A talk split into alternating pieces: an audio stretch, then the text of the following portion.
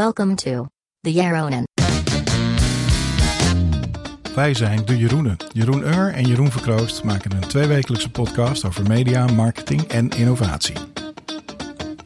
In deze episode Fraude met poep, marketing met kunstmest, kunst-NFT's, Substack, de Europese Unie en startups, Clubhouse Public Relations, RTL en een heel leuk aanbod voor de abonnees op deze podcast. Wat gaat de Europese Unie doen voor startups?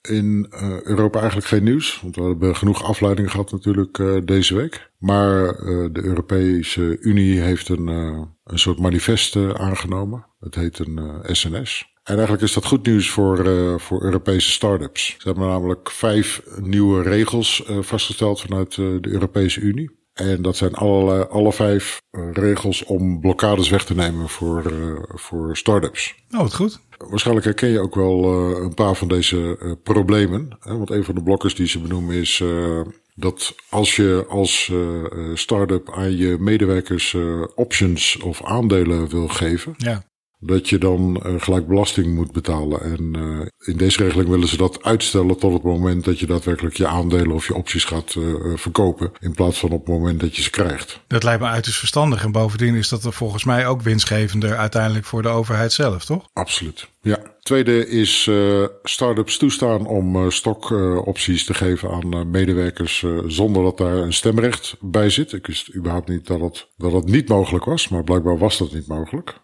Nee, ja dat, ja, dat is wel een ding. Daar kan je wel omheen, maar dat is ingewikkeld. En dat kost ook allemaal weer geld voor je start-up uh, om dat met advocaten allemaal te regelen. Dus dat is heel goed. De derde is nog ambitieuzer. Dat is namelijk uh, het proces om een nieuw bedrijf te beginnen fast tracken. Zodat je binnen een dag voor 100 euro een bedrijf kan opzetten.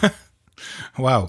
Ja, nou ja, dat betekent vooral dat ze de Kamer van Koophandel gaan uh, aanpakken, hoop ik. Want uh, ja, op dit moment is het nog zo dat een bedrijf starten, eigenlijk valt het reuze mee. Wat je nodig hebt is een bankrekeningnummer. Nou, dat duurt sowieso twee weken, want dat zijn banken. daar kan niks snel. En daarna dan, pas als je een bankrekeningnummer hebt, kan je melden bij de Kamer van Koophandel. En die reiken je dan ook nog een nummer uit en zetten je in hun database, zodat je vervolgens meteen de moeder gespamd wordt door allerlei andere organisaties. En dat proces kost ook ongeveer een week. Dus meestal, ja, nu je nu ongeveer een maand bezig, een kleine maand, voordat je live bent met je bedrijf. En dat is dan in plaats van een maand plotseling een dag. Ja, ik, uh, ik, ik vind het top. Maar ik weet niet of dit het grootste probleem is voor startups. Ik denk dat het vooral in de eerste twee regelingen zit uh, rondom de aandelen. Maar daar lijkt het hele verhaal ook eigenlijk wel een beetje op af te stevenen. Dat dat toch wel uh, het belangrijkste punt is van hoe zorgen we ervoor dat we zo min mogelijk belasting aan het begin hoeven te betalen. En dat we net als in Amerika uh, aandelen kunnen uitgeven zonder dat daar stemrecht uh, bij komen. Regel nummer vier was uh, versnellen van het visa-proces voor technisch talent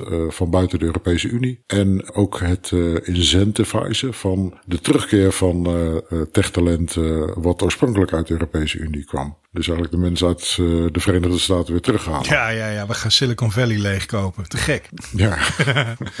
ik geloof hier helemaal geen donder van. Jij? Nee, absoluut niet. Nee. nee. Dan uh, moet er denk ik toch iets gebeuren met uh, inkomstenbelasting en dergelijke. Want daar zijn andere landen net iets guller in. Ja, en dan moet je bedenken dat zelfs in Amerika het nog zo is dat uh, hele campussen vol met developers uh, aan de, uh, de Canadese grens, zeg maar net aan de kant van Canada zitten. Die allemaal dan vervolgens aan, aan de overkant als dayjob in Amerika gaan zitten developen. Dat is ja, er is zoveel economische macht in Amerika en zoveel aantrekkingskracht dat ik me afvraag of ze in Hyderabad nu plotseling allemaal gaan dromen van een toekomst in, in, in Utrecht of Hoorn bij een start-up.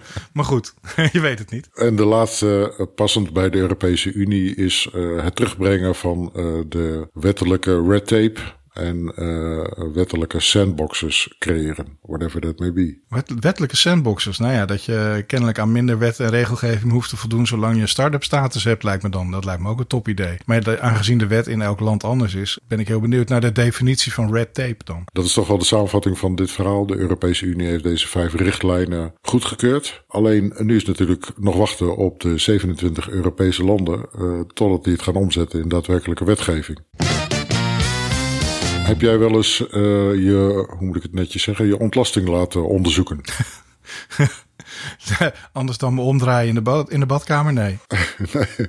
Nou, er is een uh, Amerikaanse uh, start-up geweest, die heet YouBioMe. Die kwamen deze week uh, slecht in het nieuws. Uh, de FBI is binnengevallen. De Security and Exchange Commissie heeft hun beschuldigd van, van fraude. En dat lijkt een beetje op het geval van die andere Amerikaanse start-up. Maar het idee van You Biome was, zoals het in Amerika vaker gaat, dat je een stukje van je ontlasting kan opsturen. Zij gaan het onderzoeken en analyseren met AI en stuur je dan de resultaten terug. Net als dat je in Amerika natuurlijk alles kan laten onderzoeken wat je zou willen. Ja. ja. En het uh, slimme business idee was initieel gebouwd op de oprechte intentie van wij kunnen dat goedkoper en beter dan, uh, dan de ziekenhuizen of de officiële onderzoekslaboratoria. En ze zijn uh, eigenlijk een beetje fraude gaan plegen, want uh, zij boden het aan aan klanten voor, uh, voor 100 dollar per onderzoek. En vervolgens hebben ze het bij de verzekeraars teruggeclaimd voor het officiële bedrag wat ziekenhuizen ervoor vragen. En dat varieerde van 1000 tot 3000 dollar.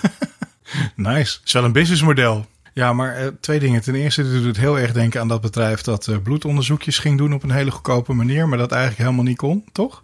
Ja, ja, ja, absoluut. Maar het, het, meest verbazingwekkende vind ik nog wel dat ze hier überhaupt de handen voor op elkaar gekregen hebben. Want in Japan heb je die supersonische toiletten, weet je wel. Uh, ja. Met allerlei fantastische spoel- en föhn-installaties, zachte muziekjes en uh, uh, nou, de meest fantastische features. Maar een van de features die daar ook al een tijdje op zit, is dat je direct je ontlasting ook kunt laten checken als je dan toch op zo'n supersonisch toilet zit. Dat is ook een feature bij de duurdere modellen. Dus nou, dan hoef je het niet eens meer naar een laboratorium op te sturen. Ja, zouden beter kunnen importeren dus uit Japan. Er is weer Brexit nieuws. Ah. Ik ga jou een uh, product noemen en dan wil ik van jou graag weten of je er een merk van kent, of het eventueel gebruikt hebt. Mhm. En vooral of je het gaat missen. En het gaat dus om een Engels product. Uh oh, ja. We hebben het uh, al een keer eerder in de podcast gehad natuurlijk over schaaldieren, oesters en uh, mosselen. Yep. Waarvan de export enorm is afgenomen. En The Guardian heeft nu onderzoek gedaan over een aantal producten en de afname in de hoeveelheid export. Whisky, Jeroen. Oh shit. Daar moet je vast wel iets van over kunnen zeggen. Ja, oh, ja, maar is daar slecht nieuws over? Dat vind ik heel zorgwekkend. Dat is inderdaad uh, zorgwekkend. Uh, de whisky-export vanuit Engeland, en dus ook Schotland, is afgenomen met maar liefst 70 procent. Oh, dat is niet goed. Dat is echt helemaal heel slecht nieuws, dit. Dus als je nog een fles whisky in huis hebt, ik zou zeggen bewaar hem met zorg. want uh, ik denk dat dat de volgende crypto-hype gaat losmaken. Ik heb 14 flessen staan, maar um, ik, wat ik... serieus. Maar het mooie aan whisky is dat je het namelijk gewoon echt super lang kan bewaren. Maakt niet uit, weet je wel. Als je de kurk gewoon weer goed opdoet. En het niet in zo'n rare kristallen vaas stopt. Maar het gewoon fatsoenlijk in zijn fles staat. En uh, de doos uh, erbij bewaart zodat het donker staat. Ja, dan kan je er eigenlijk jaren gewoon laten staan. En er gebeurt niks mee. Dus dat is het mooie. Maar ja, ik ben wel iemand die regelmatig weer een fles vervangt, zeg maar.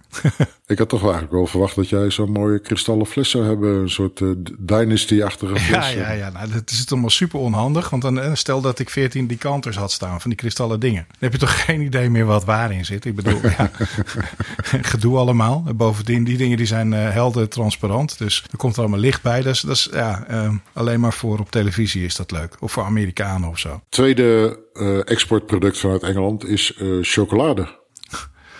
Dit doet echt pijn.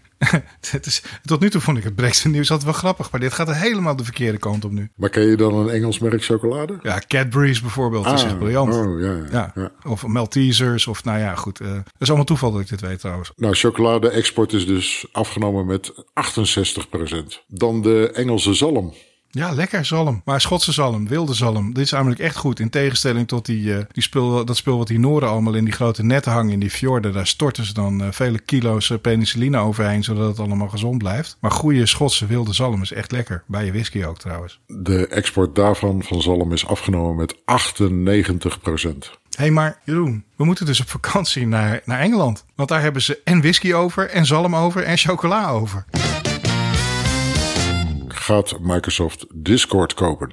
Tja, nou, waarom zouden ze? Er wordt gezegd vanwege de community, vanwege de grote installed base. Ze hebben natuurlijk uh, op gaminggebied hebben best wel wat overnames gedaan. Van uh, Minecraft tot uh, laatste Beth Bethesda Studios. Tot Doom. Ja, Doom 1, 2 en 3. Ho, ho. En Fallout en Dishonored. Ja. En daar zit echt een heleboel mooie dingen. Wolfenstein ook trouwens.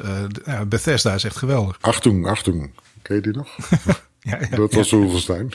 Achtung. Ja. En nu Discord als eh, de belangrijkste chat-app eh, voor gamers. Ja, maar joh, wat moeten ze ermee? Microsoft heeft de link, eh, Skype. eh, de, als ik op mijn Xbox game, eh, dan eh, zit daar ook al een hele live client in... waarmee ik gewoon met alle mensen met wie ik eh, geconnecteerd ben meteen kan gaan chatten. Dan heb je nog een chat-app. Ik denk niet dat het daarom is in elk geval. Ja, eh, misschien is het om... eh, nee, ik kan eigenlijk... Ja, ik kan nu allemaal dingen gaan zitten verzinnen... maar eh, ik snap niet waar Microsoft het zou doen. En waarschijnlijk ben ik te dom om dat te begrijpen. Maar eh, ik zie het voordeel. Snap, snap jij het? Snap jij waarom ze dat echt zouden moeten doen? Nee, vooral niet als je hoort dat het om een bedrag zou moeten gaan van 10 miljard dollar. Dan heb je toch echt wel zoiets van, oké, dat is eh, de ene grootste overname na LinkedIn. Echt een absurd hoog eh, bedrag. En komt eigenlijk heel krampachtig over van we moeten en we zullen slagen in het game domein. En de strijd met eh, Sony is natuurlijk al een heftige. Laat staan de strijd met Steam. Maar is het niet meer een Slack compete ding, denk je? Dat ze dan toch zeg maar Discord willen gebruiken als een soort van het kanaal waar ze al die services in gaan hangen. Eh, dat lijkt me dan logischer, heel eerlijk gezegd. Ik vind het een, eh, een twijfelachtige overname. Ja, wij, wij keuren hem af. Bij, keur- bij deze. Als Microsoft aandeelhouders gaan we hier niet mee akkoord. Wij zeggen tegen Microsoft, achtung. Hey, eh, Jeroen, Ja, ik neem aan dat jij als bewoner van de buitengebieden gestemd hebt op de boer-burgerbeweging. nee, nee, absoluut niet. eh. Nee, niet? Ja, toch, in elk geval hebben anderen dat vaak genoeg gedaan om lijsttrekster Caroline van der Plas in de Tweede Kamer te stemmen. Tot mijn verbazing in elk geval. Had jij dat verwacht? Nee, had ik niet verwacht. Ik had eh, zelfs nog nooit van eh, de mevrouw gehoord. Nou, maak je geen zorgen. Ik heb ook geen ambities om hier nu een politieke podcast van te maken. Oh, gelukkig. Maar deze partij is vooral heel interessant vanuit marketingperspectief. Als je kijkt naar de propositie van de boer-burgerbeweging, valt namelijk iets bijzonders op. Ik draag, als je het me toestaat, even letterlijk voor vanaf de allereerste regel van het verkiezingsprogramma van de partij. Ik, eh, ik ga zeven regels doen eh, met je wel. Oké, ik zal even stil zijn. Oké, komt-ie. Eerste regel. Eerlijk voedsel begint met een gezonde bodem. Boeren en tuinders weten als geen ander dat ze rentmeester zijn van de grond. Een gezonde bodem en een rijk bodemleven is essentieel voor de boer. Het is immers zijn inkomen en hij wil dat de consument veilig en gezond kan eten. Daarnaast wil de boer die bodem doorgeven aan de volgende generatie. Gezonde grond betekent gezonde producten.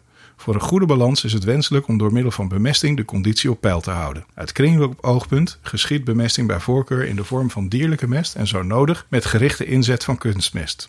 Wat vind jij hiervan als start van een verkiezingsprogramma, Jeroen? Eh, het lijkt alsof er geen spel tussen te krijgen is. Mij viel in elk geval op dat ze binnen zeven regels op het onderwerp bemesting weten te komen. En ik leg zo uit waarom dat interessant is. Wat is er nou gebeurd? Een Nederlandse student geschiedenis, genaamd Bram Wissink, ontdekte dat er nogal onbeholpen en benaderbare uitstraling van BBB-lijsttrekker Caroline van der Plas geen toeval is, maar een strategie. Wat hij ook ontdekte is dat de boer-burgerbeweging begonnen is door een reclamebureau. Weliswaar arriveerde van der Plas inderdaad op het binnenhof op een tractor als ludieke actie, maar dit is geen simpele boerenpartij.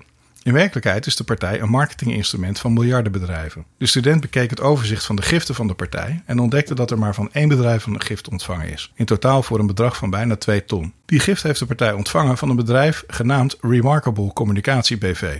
Dit reclamebureau, afkomstig uit Deventer, is gericht op strategische marketing en communicatie, let op, in de agrarische en foodsector. Klanten van het bedrijf zijn onder andere een slachtbedrijf, een melkrobotfabrikant en de gigantische Duitse chemische en farmaceutische fabrikant Bayer. Je weet wel, van die strafkampen in de Tweede Wereldoorlog en dat in 2016 Monsanto overnam, die Bayer. De oprichter van het reclamebureau Wim Groot-Koerkamp en de marketingdirecteur Henk Vermeer zijn respectievelijk de secretaris van de Boer-Burgerbeweging en de penningmeester en campagneleider van de partij. Ook stagiaires van het reclamebureau gingen door het land voor de Boer-Burgerbeweging om kandidaten te interviewen. Op de website van de Boer-Burgerbeweging wordt Remarkable niet genoemd en ook de klanten van het reclamebureau niet. Als klap op de vuurpijl is de Boer-Burgerbeweging op hetzelfde adres gevestigd als Remarkable. Als je dan bedenkt dat Remarkables klant Bayer voor de agrarische sector fantastische oplossingen heeft dankzij de Monsanto-overname op het gebied van kunstmest, bijvoorbeeld onder de naam Bayer Crop Science, snap je plotseling waarom het maar zeven regels duurt voordat het hele BBB-partijprogramma op kunstmest terechtkomt. Knap staaltje marketing, toch?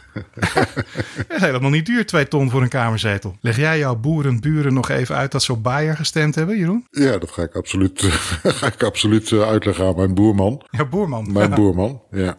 Ja. Hij heeft inmiddels een, eh, nou ik zal niet zeggen een megastal, maar hij heeft eh, een tweede stal daar aangebouwd. En samen met zijn zoon een maatschap begonnen. Ik denk dat er inmiddels meer dan 100 koeien staan. En dat het, eh, hoe je het zeggen, het enige natuurbehoud, eh, de zonnepanelen op, z'n- op het dak van zijn stal zijn.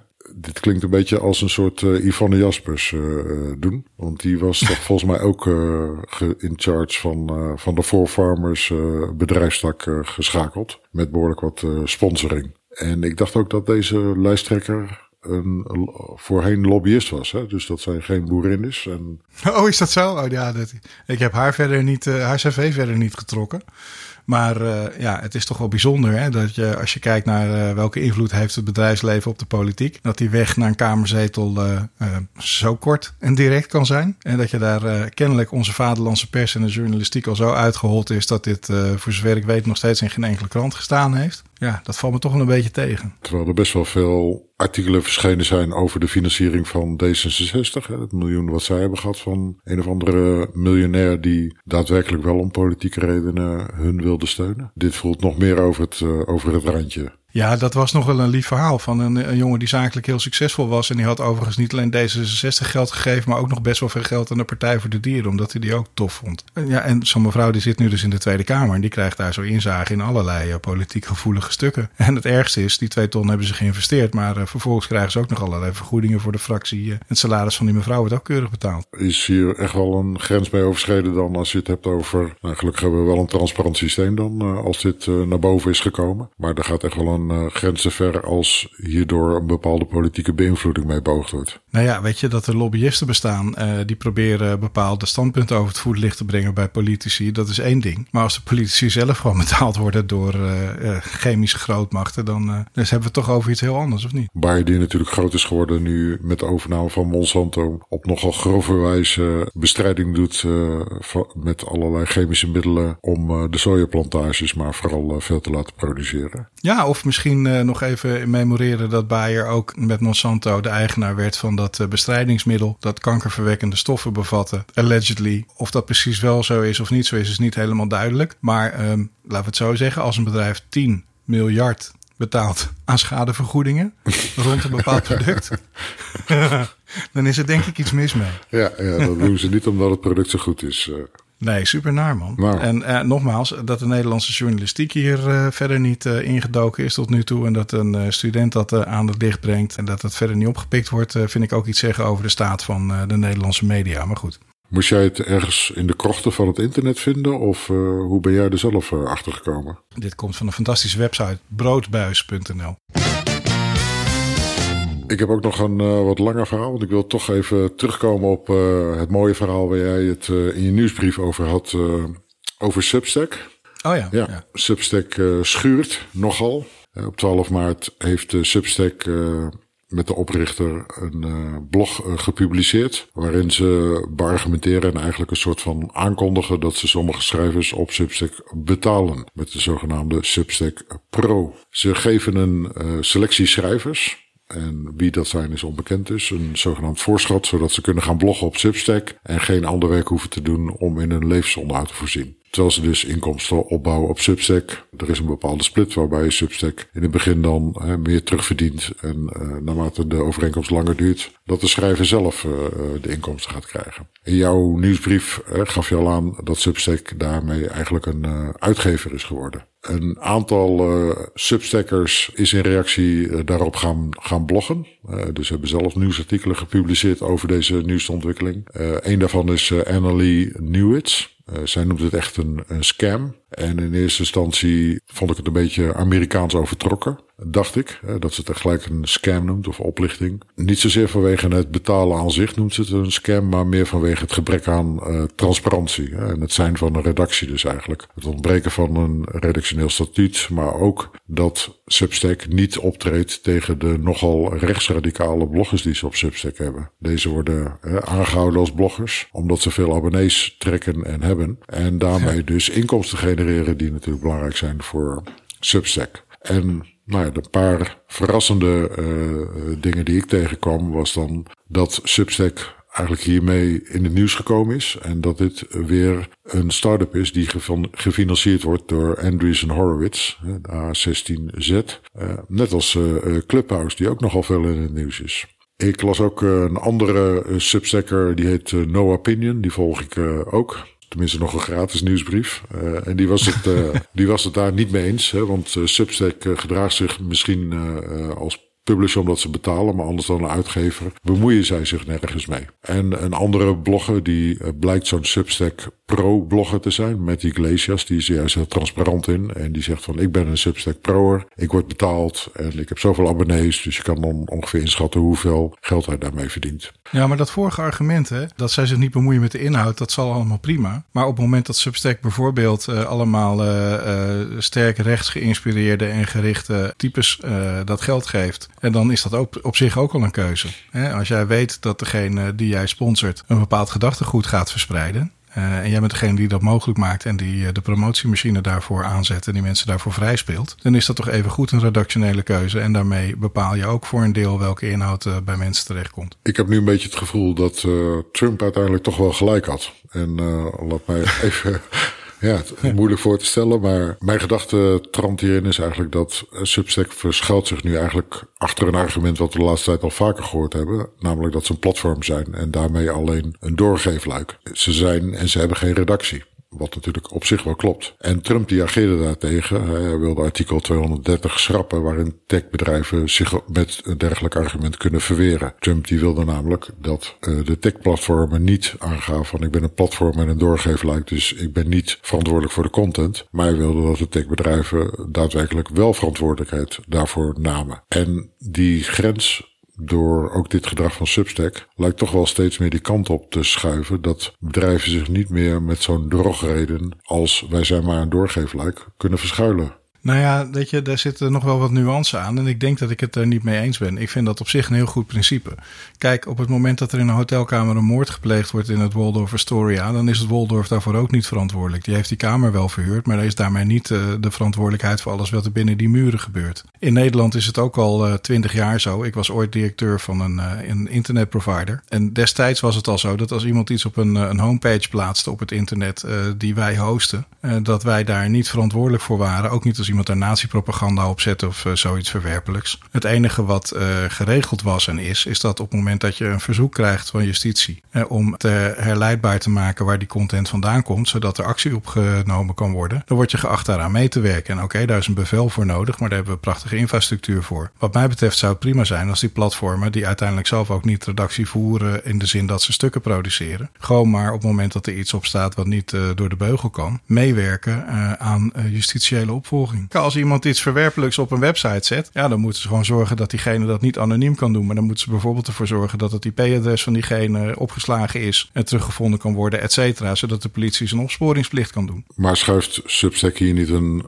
gradatie op in de zin, zij betalen nu daadwerkelijk voor degene die de content produceren ook? Ja, dat klopt. Uh, maar daarmee zijn ze er nog steeds niet verantwoordelijk voor. In, uh, in die zin dan dat ze een, een publicatie zelf zouden zijn. Uh, daar geloof ik niet zozeer in. Het is meer een soort platenmaatschappij deal. Platenmaatschappij is ook niet verantwoordelijk voor het feit dat Jay-Z op een gegeven moment een andere rapper uitscheldt op zijn plaat. Dat is nog steeds Jay-Z die dat doet en die daarop aangesproken moet worden. En als Jay-Z zegt dat het een eikel is, is het tot daar aan toe. En als je hele nare dreigementen gaat uiten die verboden zijn, nou, dan moet de politie lekker bij Jay-Z gaan aankloppen, om eens een ander voorbeeld te noemen. En bij een platenmaatschappij werkt het ook zo. Hè? Die, die geven je een voorschot. En in ruil daarvoor maak jij een mastertape als artiest. En die, mastertape die wordt eigendom van de platenmaatschappij. Dus daar is eigenlijk het eigendomsrecht nog meer bij de uitgever dan in uh, bijvoorbeeld zo'n Substack scenario. Ja, maar de platenmaatschappij bepaalt natuurlijk wel vaak uh, wie het gaat produceren vanuit de platenmaatschappij. Of ze daar veel aandacht aan besteden en het daadwerkelijk gaan promoten of niet. Ja. Dus er is toch wel een soort redactionele verantwoordelijkheid die daarbij komt kijken. Net als dat boekenuitgevers misschien ook een voorschot betalen. Maar ook wel een redacteur aanleveren die wel gaat kijken of alles zo op deze manier zou kunnen. Ja, maar dat is dan vaak is dat meer technisch. Hè? Dat is ervoor zorgen dat het gedachtegoed wat de artiest heeft, hè, dat dat zo goed mogelijk geproduceerd uh, als product uiteindelijk bij een consument landt. Dus uh, ja, de, het is over het algemeen zo'n boekenredacteur die kijkt vooral uh, of het verhaal logisch opgebouwd is en of het schrijftechnisch klopt. Een producer zorgt ervoor dat het zo mooi mogelijk en zo goed mogelijk geregistreerd wordt en de, de impact heeft die de artiest voor ogen heeft. En soms hebben die redacteurs en die producers ook nog wel een beetje artistieke invloed. Maar de kern is toch dat de artiest een product maakt wat voldoende mensen moeten willen hebben. En dat eh, de machine daarachter dat eh, product helpt produceren. Maar wat, wat vind jij dan? Waar zou je de verantwoordelijkheid volgens jou moeten liggen? Nou, ik denk dat Substack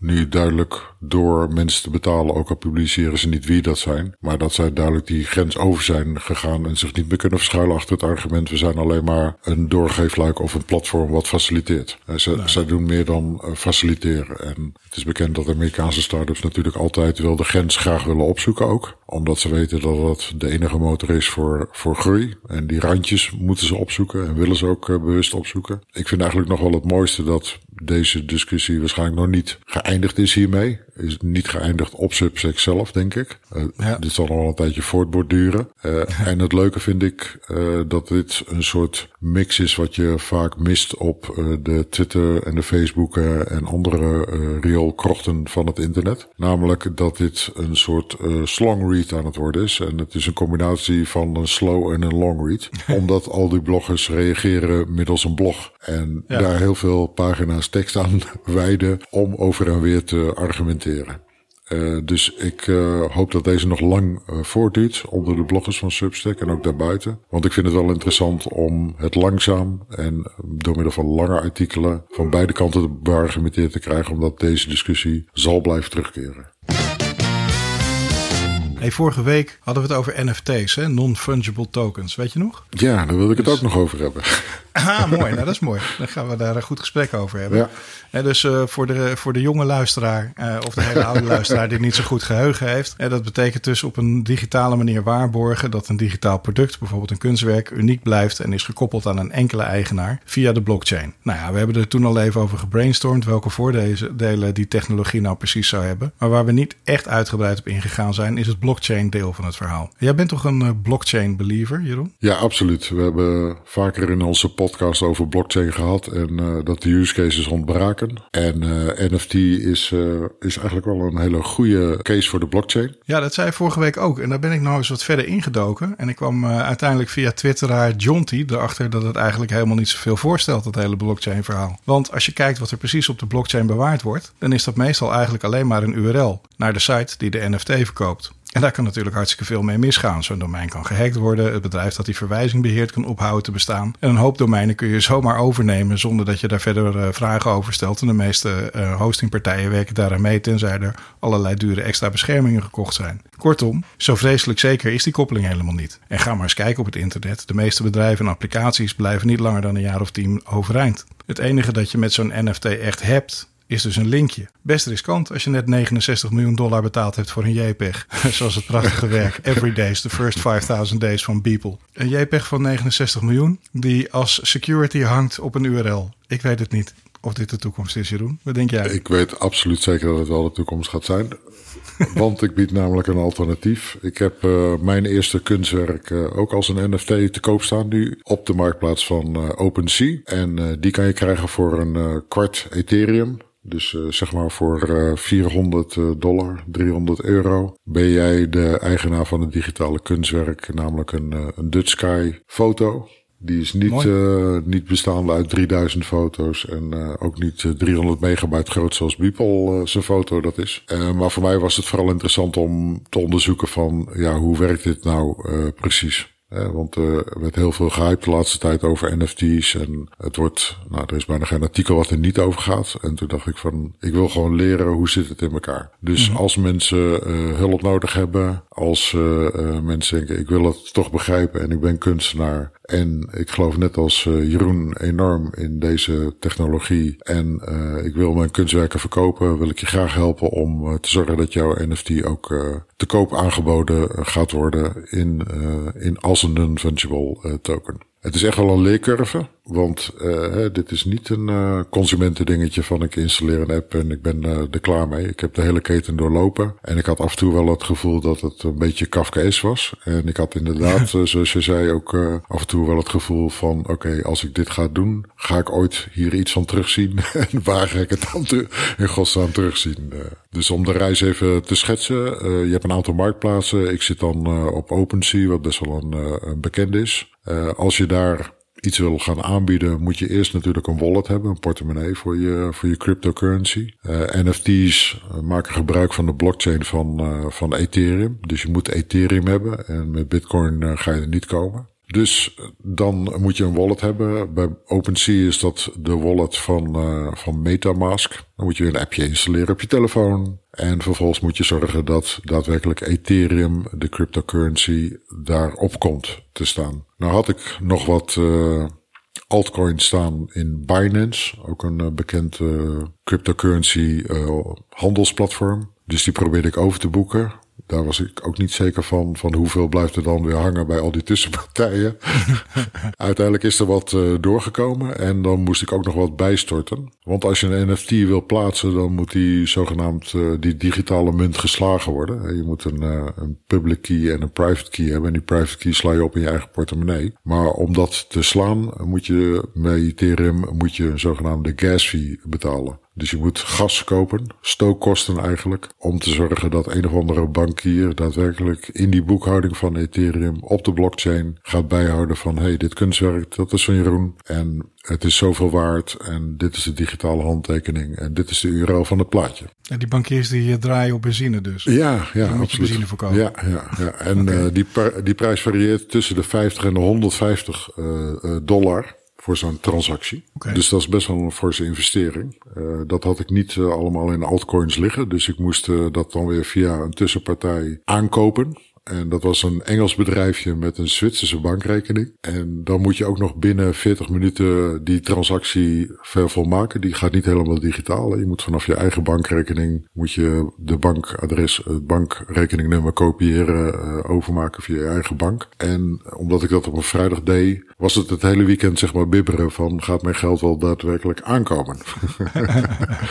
Nou, op maandag uh, kreeg ik uiteindelijk zelfs een, uh, een nette e-mail dat mijn bedrag daadwerkelijk is aangekomen. En vervolgens uh, heb ik ochtends de NFT aan laten maken, omdat toen de gasprijs zeg maar het laagste was. Dus daar zit heel veel oh ja. fluctuatie in. Nou, dat was best wel een, uh, hoe moet je het zeggen, ontdekkingstocht en uh, bijna een leidingsweg. Want er waren inderdaad, zoals je aangeeft, genoeg punten waar iemand anders op in zou kunnen haken, waardoor ik misschien al mijn geld uh, kwijt zou raken. Maar nu mijn collectie uh, mijn collectie bestaat nu nog uit één uh, NFT, maar ik ga het uitbreiden natuurlijk. Maar nu mijn collectie dus uh, op de marktplaats staat en ik natuurlijk geen bieders heb, want ik ben geen bekende kunstenaar, vind ik wel het principe nog steeds super interessant en denk echt dat deze use case gaat slagen. En dit is een hele lange inleiding geweest waarom ik denk dat het gaat slagen, want ik vond het leuk juist dat je een NFT verschillende eigenschappen mee kan geven. Je kan mensen laten bieden, je kan er vaste prijzen voor vragen. Je kan ook, net zoals bij de voetbaltransfers tegenwoordig, eh, ook de rendementen van toekomstige verkopen kan je ook nog steeds een deel oppakken. Dus stel jij maakt nu een kunstwerk en jouw achter, achter, achterkleinkinderen die hebben jouw, uh, jouw key en jouw kunstwerk wordt een aantal keren doorverkocht, dan krijg je nog steeds een percentage van de verkoop van dat kunstwerk. Ik denk dat de familie, van Gogh en de familie uh, Rembrandt van Rijn daar super blij mee uh, zou zijn geweest. Nou, die hostingpartijen uit uh, de tijd van Van Gogh die zijn allemaal over de kop, Dus die link die werkt al lang niet meer. En verder is het inderdaad toch echt wel vertrouwen hebben. Er zitten allerlei waarborgen in, zegt men. Dus de, de private key die ik heb, ook al gaat OpenSea uh, failliet of over de kop, die private key zou makkelijk door een andere partij overgenomen worden. En dat zou het voordeel moeten zijn natuurlijk van de blockchain. De boekhouding staat niet bij één partij, maar bij heel veel partijen. Dus iedereen heeft het bewijs dat ik daadwerkelijk deze NFT aan het verkopen ben. Maar inderdaad, het is vertrouwen en het is toch ook wel echt volharden wil je dit daadwerkelijk gaan doen. En ik zou zeggen, uh, ik wil je graag helpen. De kans dat je iets verkoopt is uh, relatief super klein. ja, ja. nou ja, goed. Ik heb, ik heb één vriend die is echt kunstenaar. Die hard in de zin van uh, dat hij uh, gewoon echt nooit van zijn leven iets anders zal gaan doen dan kunstenaar zijn. En uh, het verhaal wat jij net verteld hebt, dat is niet aan, aan, aan hem besteed. En ik denk aan de meeste kunstenaars niet. Om dit soort wegen af te gaan leggen, dan moet je toch wel minimaal een bepaalde affiniteit met IT voor hebben, zo niet IT voor zijn. als je het in je hebt om door al deze hoepels te springen om dit uiteindelijk voor elkaar te krijgen. Ja, ik weet het niet. Maar misschien moet je een app maken, Jeroen, eh, met jullie bedrijf. Om dit eh, hele proces makkelijker te maken en eh, kunstenaars een, een handje te helpen. Ja, nou, ik zou liever zeg maar een percentage vragen nu dat ik het kunstwerk van de kunstenaar ga aanbieden. Nu ik zelf mijn collectie kan, kan opzetten. Ja, je kan dus een soort van NFT art gallery eigenaar worden. Ja, precies. Oh, dat is wel een goed idee, ja, natuurlijk. Ja. En ik denk nog steeds de belangrijkste use case, afgezien van of wij ooit waarde gaan toekennen aan digitale kunst wat best wel waarschijnlijk is, maar tegelijkertijd ook onwaarschijnlijk is, omdat het digitaal natuurlijk makkelijk gekopieerd kan worden, is toch wel de use case dat je een bepaalde authenticiteit kan toekennen aan iets. Een non-fungible token gaat om uh, een element, een digitaal element wat uniek is. Als jij met meerdere mensen kan minten dat uh, een stukje video inderdaad uniek is, het origineel is, et cetera. De originele opname van de Beatles, de originele videoopname van een bepaald interview, et cetera. Dan denk ik dat er nog steeds echt wel een goede use case is. In een wereld waarin we steeds minder weten wat digitaal echt of niet echt is. Maar ja, goed, het verifiëren van zo'n NFT is nog iets anders. Hè? Want uh, wat jij nu zegt is uh, op zich een goed punt. Het is leuk dat we kunnen verifiëren. Maar als ik die foto van jou nou ergens zie staan, als gewone consument, hoe controleer ik of het echt jouw uh, NFT is wat daarachter zit en of dat echt allemaal klopt? Ik heb geen idee. Dat staat op een marketplace waar ik nog nooit van gehoord heb. En ik heb geen idee hoe ik kan verifiëren of die NFT echt helemaal rock solid is of niet. De enige manier om het te controleren is dat je daadwerkelijk mijn key kan zien, dat ik het bewijs aanlever. Dat... Ja, dan moet je mij jouw geven. Dat wil je daar net niet doen. doei, doei. Ik geloof er nog steeds hier. Nee? nee. Nee, dat moet echt nog een heel stuk beter en anders geregeld worden. Dit, het idee als concept misschien wel, maar dit. Ik denk heel eerlijk gezegd dat je, als je nu uh, je NFT-gallery, de eerste Nederlandse NFT-gallery gaat openen op het internet, dat je daar waarschijnlijk ook nog wel wat publiciteit mee kunt krijgen. Je moet eigenlijk een slimme marketingrakker zoeken om dit samen mee te doen. Maar uh, ik ben te druk. dus, dus zoek een ander. Oh. en kijk eens, ik denk wel dat je, dat je er publiciteit mee kunt krijgen. maar voor een koper die echt kritisch is en die gaat kijken van hoe kan ik nu verifiëren of er niet uh, ook een andere koper is voor dit ding, is het super moeilijk om te constateren of dat wel of niet het geval is. Dus ja, uh, wat is dan die waarde uh, op het moment dat iemand die twijfel houdt? Het lijkt me heel lastig om op te lossen nog. Laten we afspreken dat wij deze podcast sowieso gaan NFT'en en over tien jaar gaan terugluisteren. Ja. Want dan is de waarde van jouw uitspraken dat jij er niet in gelooft heel veel waard geworden. Kun je me daarmee om mijn oren slaan? Ja, absoluut. Ja. In de tussentijd mocht er een luisteraar uh, geïnteresseerd zijn en heeft hij geen zin om zich erin te verdiepen. Als je hulp nodig hebt, ik ben best bereid om, uh, om je bij te helpen om je NFT uh, op, het, op zo'n marktplaats te krijgen. Dus stuur een e-mail naar jeroen.dejeroenen.com voor hulp met NFT's. Of naar de NFT-coach jeroenen.com. Oh ja, zit jij weer beter in marketing dan ik? Heb je toch echt nodig? Heb jij uh, gelezen wat er met RTL uh, staat te gebeuren of niet? Nee, wordt het verkocht? Nou, RTL komt officieel uit Luxemburg, maar is natuurlijk stiekem een hartstikke Duits bedrijf, laten we eerlijk wezen. Al doe ik ze daarmee misschien tekort, want oké, okay, uh, RTL Group heeft belangen in 67 televisiezenders, 10 streamingdiensten en 38 radiostations. Dus dat is echt wel een groot ding. Maar er gaat wat gebeuren bij RTL. En je ziet eigenlijk al een tijdje dat RTL bezig is om aandelen en belangen in een aantal kleinere markten van de hand te doen. Bijvoorbeeld in Canada en zo. En het ziet er nou uit dat dat ook in Europa aan het gebeuren is. De gedachte lijkt te zijn dat er geconsolideerd moet worden. Dus uh, dat er uh, echt een grote positie moet worden opgebouwd in een aantal grotere markten. En op die manier kan dan de concurrentie daar met uh, Amazon Prime, Disney en Netflix, maar ook met Facebook en Google aangegaan worden. Is het idee. Nou is Duitsland natuurlijk een superbelangrijke markt voor RTL. En daar is dan ook de ambitie om deze wedstrijd aan te gaan. Het gevolg is dat de Franse, Belgische en Nederlandse takken van RTL daarbij in de etalage zijn komen te staan. Nou, op zich doet Nederland het best heel aardig hè, bij RTL, uh, ook, ook binnen de groep. Zeker in het coronajaar 2020. Maar juist in Nederland is een koper in de markt die maar wat graag RTL Nederland toe zou voegen aan zijn portfolio.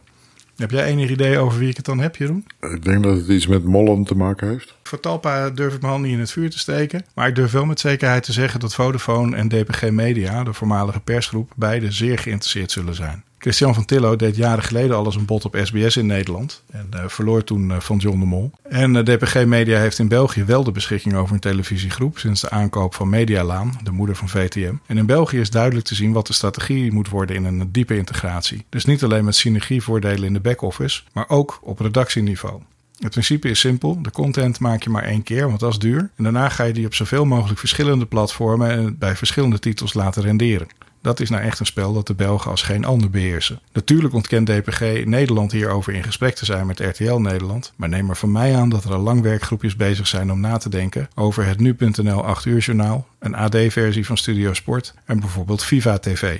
En kijk jij uit naar deze ontwikkelingen? Ja, vooral Viva TV kijk ik enorm naar uit. Volgens mij is RTL, de RTL-zenders zijn zenders die ik eigenlijk nooit kijk. Ik ben niet de doelgroep. Ik ben waarschijnlijk te oud en te veel man. Ik weet niet, zou het nou überhaupt man... Oh ja, RTL 5 is natuurlijk de mannenzender, toch? Meer voor mannen. Ja, dat is de slagzin ja, ja, die eh, bij eh, RTL 5 hoort. Ja, met eh, Maar- oude jaren ja. 70 films die je al honderd keer gezien hebt. Nou ja, en oude mannen met snor. Eh, die eh, af en toe eens een bevolkingsgroep beledigen eh, bij Voetbal Insight. Oh ja, daar kijk ik ook niet naar. Ja, daar kijken wel veel mensen naar hoor. Maar goed, stel nou hè, dat, dat, dat dat lukt. Want het is echt wel een wens eh, van de persgroep eh, om eh, televisie toe te voegen aan het portfolio. En net zoals in België, waar ze ook magazines, radio, televisie en kranten hebben. In Nederland mist die parel nog aan de ketting. Denk je dan dat ze daarmee een goede concurrentiepositie zouden verwerven ten opzichte van eh, Facebook, Google, Netflix en Amazon? Nou, dat denk ik niet. Ik denk wel dat ze een goede concurrentiepositie zullen verwerven ten opzichte van het imperium van de familie De Mol natuurlijk. Eh, die zijn inmiddels eigenlijk ook al aan het uitbreiden met, eh, met bladen. Het succesvolle Linda magazine, wat eh, het blijkbaar ook een enorm succesnummer is. Dus ik zie in de combinatie tussen krant, als je krant nog zo mag noemen, maar de digitale nieuwsvoorziening en televisie het synchroon en asynchroon, het offline, het lineair, het horizontaal eh, spectrum. En ik, jij bent daar waarschijnlijk beter of meer een expert op dat gebied, maar ik denk dat daar echt wel een markt voor is. Ja, toch zie je dat bij Talpa bijvoorbeeld, die je net noemde, dat eigenlijk eh, eh, Linda en eh, de hoofdredactrice van het ding, Linda Magazine, Jilda van der Bel, waren allebei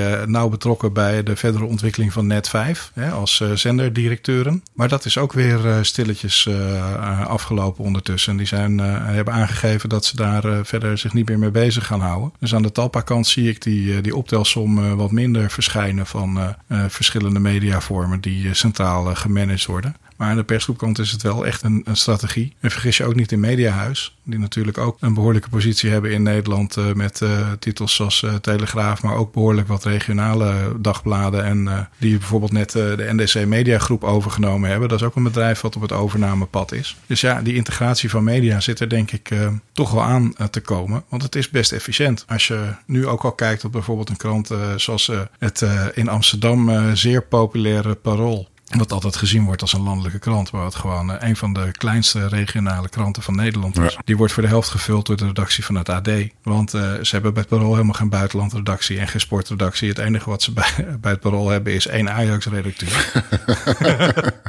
en de rest komt gewoon uit Rotterdam van, eh, van dat nieuws. En dat is natuurlijk hoe, hoe je het heel efficiënt maakt. En in België kan je ook zien dat het VTM-nieuws wordt ook samengemaakt in het gebouw van de persgroep met mensen die daar zo de, de printmedia bestieren. En eh, dat is één centrale redactie. En dat is natuurlijk, als je aan de achterkant de hele back-office centraliseert en aan de voorkant redactioneel ook nog eh, mensen heel nauw laat samenwerken, ja, dan eh, ben je natuurlijk spekkoper. En omdat België zo'n kleine markt is, beheersen juist dat soort bedrijven als Mediahuis en de persgroep dit spel heel goed. En voordat je het weet zijn niet alleen de dagbladen in Nederlands uiteindelijk in handen van, van origine Belgische aandeelhouders, maar zijn straks onze hele media Belgisch van, van, van achtergrondkleur. En gezien het feit dat Belgen over het algemeen ook altijd tien voor taal winnen, is dat misschien niet zo slecht.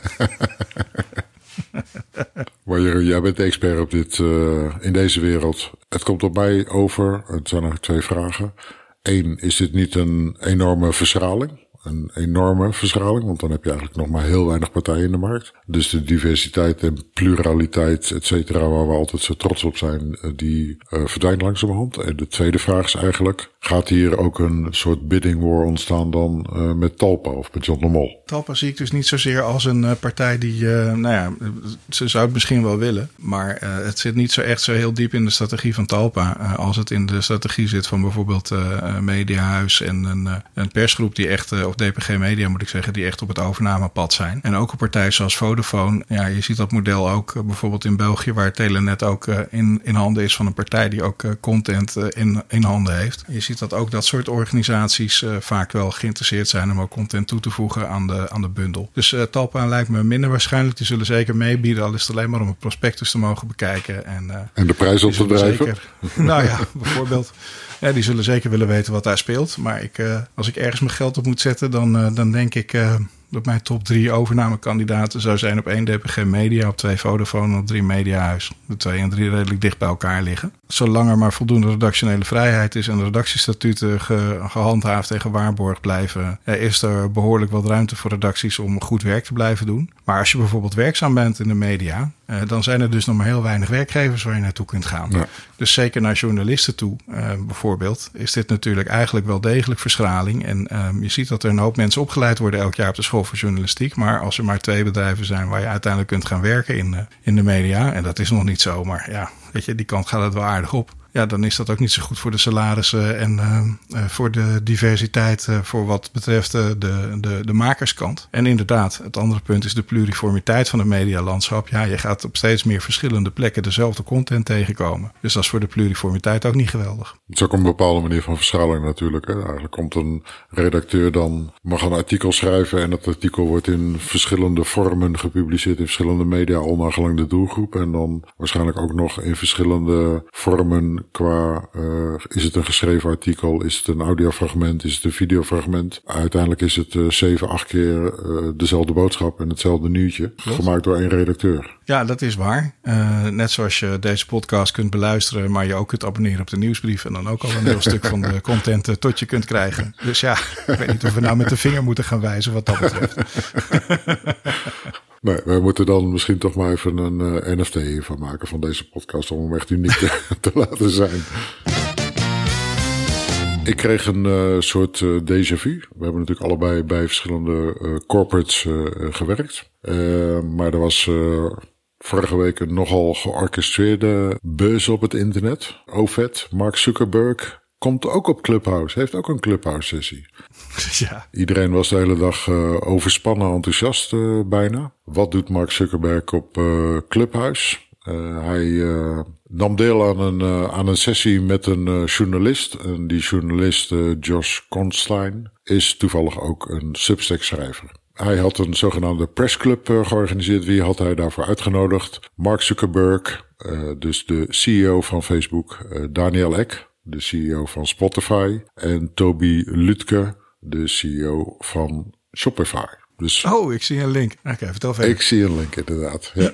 en uh, wat schetste mijn verbazingen? Dus iedereen was er razend enthousiast over. Ik als Android-gebruiker ben nog steeds uitgezonderd van het hoogste genot van audioconferenties, ah. namelijk Clubhouse. Ja. Uh, maar uh, wat gebeurde er de volgende dag? Josh Constein publiceerde op zijn Substack-blog niet alleen de transcript van de hele Clubhouse-sessie, maar ook de gehele audiofile. Terwijl ik toch dacht dat het karakter van Clubhouse was dat het vluchtig was.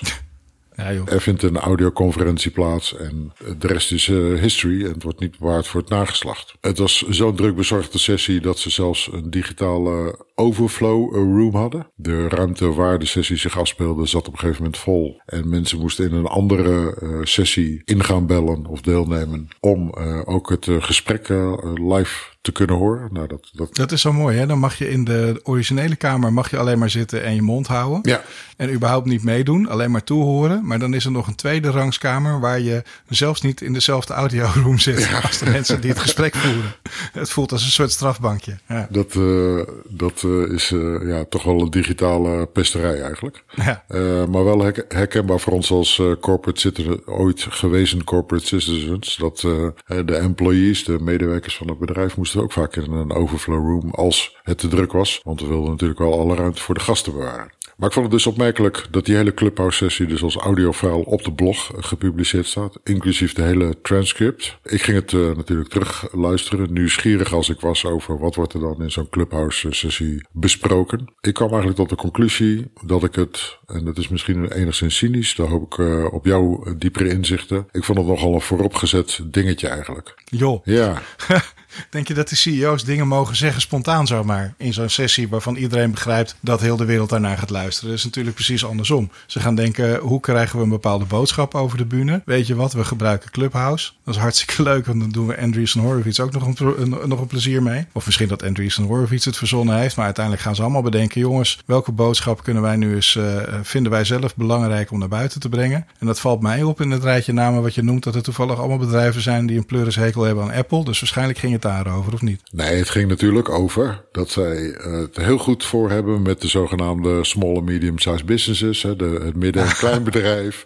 Ja. Dat ze enorm veel uh, mooie dingen aan het doen zijn voor wat tegenwoordig natuurlijk creators heet. Hè, de mensen die dingen maken. En uh, inderdaad, na een half uurtje verzand het eigenlijk toch al wel snel in laten we lekker Apple gaan bashen. Jo. Ja, ja. ja. Dus ik vond het eigenlijk super triest. In de zin dat ik het heel erg herkende als van, nou, dit is echt een vooropgezet plan. Hier zijn heel veel corporate PR-mensen uh, bij uh, betrokken geweest. Men heeft het voorbesproken. Men wist ook hoe, men, hoe het gepubliceerd zou gaan worden. Uh, kortom, ze wisten hoe de, ze de bus moesten creëren. En natuurlijk was Andreessen Horowitz volop betrokken, omdat zij natuurlijk enorm veel baat bij hebben om de hype rondom Clubhouse zo lang mogelijk uit te rekken. En Substack. En Substack, ja. En ik ben natuurlijk normaal gesproken niet echt een, eh, een eh, Mac-fanboy. Eh, maar dit was zo vooropgezet dat ik echt eigenlijk een beetje boos was en Apple wilde verdedigen. Dus ik zou tegen Mark Zuckerberg willen zeggen, toch wel zielig dat je op een app die alleen op, het, op een iPhone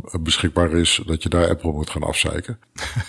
En ik vond het super teleurstellend dat waar wij tegenwoordig uh, heel veel zogenaamde opinierende journalisten hebben. Uh, er zijn geen journalisten zonder mening meer. Maar dat er geen enkele journalist dit daadwerkelijk benoemd heeft of hier iets over geschreven heeft. Oh nee, ja, nee, ja, dat vind ik ook wel droevig inderdaad. En dat is alweer het zoveelste constatering in deze podcast... dat uh, het faillissement van de journalistiek uh, zo te zien dichtbij uh, is. Dat is heel erg jammer. Maar het is natuurlijk gewoon een heel goed gespind verhaal. Andreessen Horowitz heeft twee van zijn investeringen hier nog even een extra aureooltje gegeven... door al deze rockstar CEO's op die platformen te trekken. Die rockstar CEO's hebben hun Apple Pinata kunnen slaan... om te kijken of daar misschien nog wat, wat voordeeltjes uit te halen vallen... op het moment dat regulatie van techbedrijven zo hoog op de agenda staat. Natuurlijk uh, roepen ze dan dat ze het allemaal voor de small developer doen. Maar het grappige is dat ook net weer onderzoek is geweest dat uh, small developers en small businesses eigenlijk helemaal geen voordelen hebben van uh, het feit dat Facebook bestaat. En dat het ze ook eigenlijk heel weinig interesseert en dat het economisch weinig voor ze betekent. Het is